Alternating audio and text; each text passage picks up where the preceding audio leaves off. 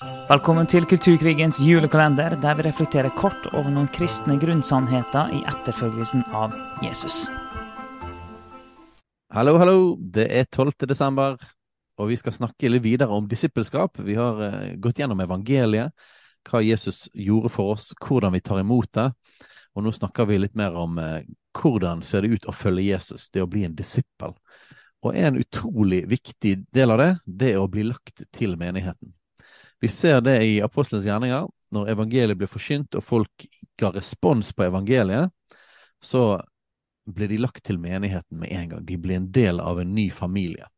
Så i apostelens gjerninger, kapittel 2, vers 41, så står det de som nå tok imot hans ord, ble døpt, og den dagen ble det lagt til omkring 3000 sjeler. Og Så står det enda mer spesifikt eh, hva dette lagt til betyr i litt seinere i kapittelet.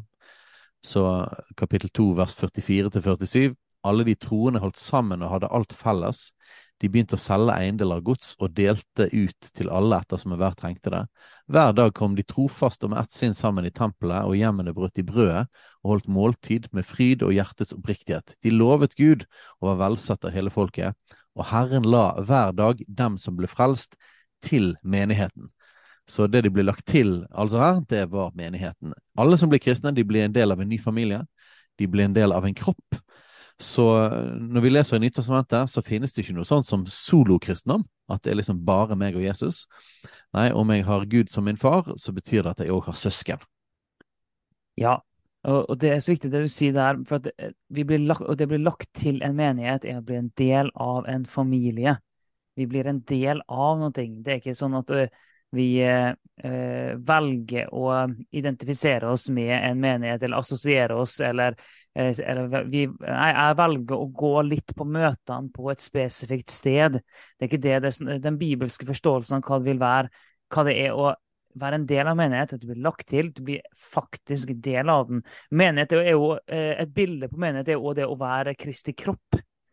Så du, du blir en del av kroppen. Og det å leve som kristen går, Det går ikke an å leve som kristen alene. Vi lever ikke som, et, som en kroppsdel uh, utenfor kroppen. Uh, ordet medlem det ligger jo litt i ordet. Det er, det er, et lem, det er et medlem. Det er et lem sammen med andre lemmer. Så det å uh, være en del av menigheten det er en sånn integrert del av kristenlivet. Og kristenlivet er en integrert del av kristenlivet til alle de andre òg som har Jesus som herre, og som har Jesus som hode. Ja, og vi, vi, vet jo at det går litt dårlig med lemmer som blir kappet, kappet av kroppen. Ja. Eh, de dør. Så, så, vi må være koblet. Skal vi være koblet til hodet? Bibelen beskriver jo Jesus som hodet for sin menighet. Så det er Kristi kropp i Jesus sin kropp, eh, og han er hodet, og vi er lemmene. Og klart at blir du kappet av kontakten med de andre kroppsdelene, så blir du òg kappet av kontakten med hodet, ifølge det bildet der. Mm. Så, så, det å være en, på en måte en solokristen, det er en moderne oppfinnelse som kommer jo fra individualismen. Og eh, ja, det trenger vi å komme oss ut av. Ja, vi gjør det. Og det, det, det, det er flere ulike bilder vi kan bruke på det. Sånn vi kan bruke kroppen, og hvis det, er en kroppsdel som blir kappa av, ja, da får den ikke lenger blod. Eh, og livet til kroppen ligger jo i blodet, og oksygenet som ligger i blodet. Sånt. Så ja, da dør den kroppsdelen som blir kappa av livet.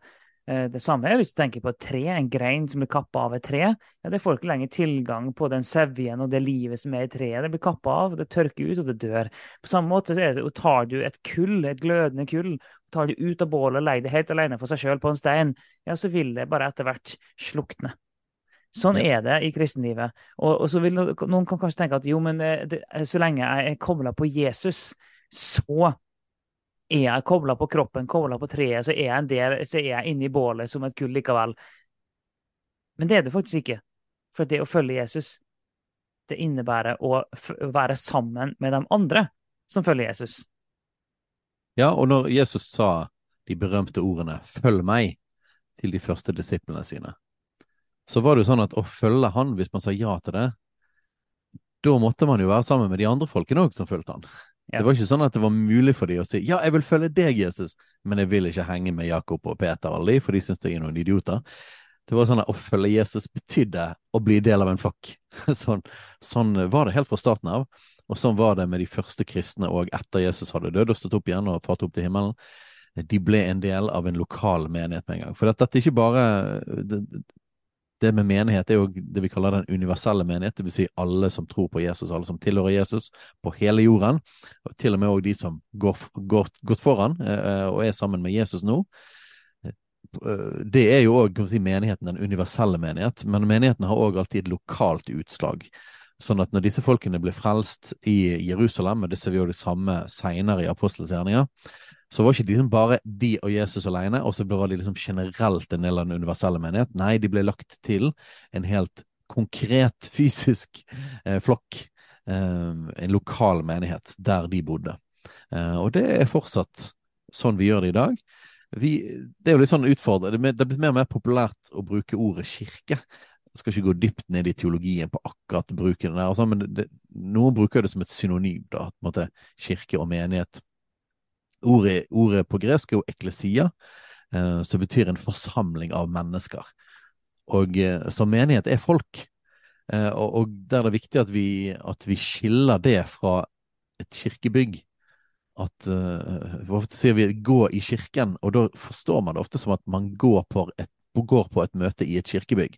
Og det er jo kjempebra å, å, å, komme når det er møter, men det å være en del av en menighet er noe mye dypere enn å liksom gå på kinoen, eller gå til en restaurant, eller gå på et møte, gå til kirken. Eh, Bibelen beskriver det heller sånn at du blir en del av en møte, du blir en del av en kropp, en del av en familie. Og, og når familien samles, ja, men da kommer man. Akkurat som familien, når familien spiser middag, så, så, så kommer vi. Jeg har jo tenåringsdøtre, og det kan ofte være litt vanskelig å få de ut av rommene sine når de skal spise middag. Eh, men de er jo en del av familien når de sitter på rommet sitt dag. Vi er en familie. Det er ikke middagen som er familien, men når du er en del av en familie, så kommer du òg når menigheten samles, når familien samles. Så når vi spiser middag, så er det viktig at alle er der. Eh, for det blir det fysiske uttrykket av at vi er en familie. Og, og relasjonene mellom oss vil bli svakere og dårligere hvis vi aldri har fellesskap sammen, hvis vi aldri spiser sammen.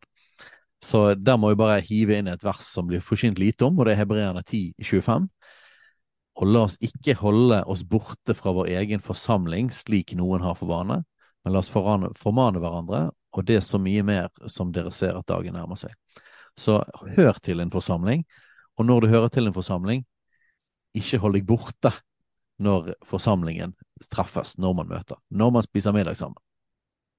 Og jeg har lyst til å, egentlig det verset du nettopp nevnte, å trekke det et par vers bak òg.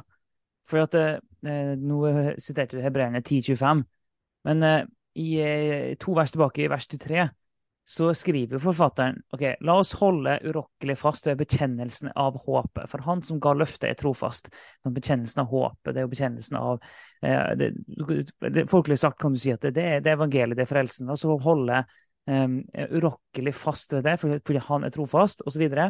La oss ha omtanke for hverandre, sånn at vi oppgløder hverandre til kjærlighet og gode gjerninger, står det. Men vi kan ikke ha omtanke for hverandre sånn at vi kan oppgløde hverandre til kjærlighet og til gode gjerninger hvis vi ikke kommer sammen. Ja. Så, så, den formaningen om la oss ikke holde oss borte fra menigheten eh, når den menigheten samles, er jo i konteksten av evangeliet, at vi holder fast på evangeliet, og i konteksten av at vi har omtanke for hverandre, og vi bygger styrke, oppgløder hverandre. Det er det som er konteksten. Og så sier han så ikke hold dere borte når menigheten samles. Ikke gjør det. Det, det, er ikke sånn det kristne livet er. Det er ikke sånn vi holder sånn urokkelig fast og bekjennelse av håpet. Det er ikke sånn vi oppgløder hverandre. Nei, la oss komme sammen og styrke hverandre i etterfølgelsen av Jesus fordi vi er én og samme kropp. Ja, så vi har gitt oss til et fellesskap, og det vil vi oppfordre alle sammen til. Gi deg til et kristent fellesskap. Gi deg til en menighet. Um, vær en del av en familie. Det er en utrolig viktig del av å være en etterfølger av Jesus. Og, når vi leser om menigheten i Jerusalem, eh, med de første versene jeg leste, så ser du det at de var jo masse sammen. De kom trofast med ett sinn sammen i tempelet. Hver dag står det faktisk at de kom hjem eh, sammen i tempelet, og i hjemmet så brøt de brød. Så, så, dette her med eh, Det er litt interessant, for det har blitt etter hvert som tidsklemmen har blitt større, så er det blitt mer sånn at vi må ikke ha for mye ting som skjer i menigheten. Eh, jeg vet ikke helt om jeg tror på, på den biten.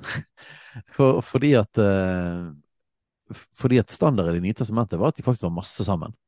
og vår møtekondis og liksom vår evne til å, til å være sammen, den er ganske lav i vår kultur.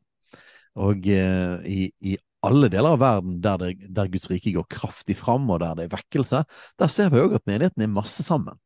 Eh, de har et tett fellesskap, eh, og de, det er ikke sånn at de bare ser på klokken at nå er, nå, nå er det plenty, nå må vi gå hjem. Så dette med å være både sammen på tempelplassen og i hjemmene, det å spise sammen, Ehm, det å være masse sammen, det er faktisk en del av å være en nytestamentlig kristen, en etterfølger av Jesus. Og Det betyr at menigheten faktisk kommer høyt opp på prioriteringslisten. Eh, og vi tror at det, det, det kommer høyere opp enn en hobbyer og masse andre ting. For det er faktisk vår familie.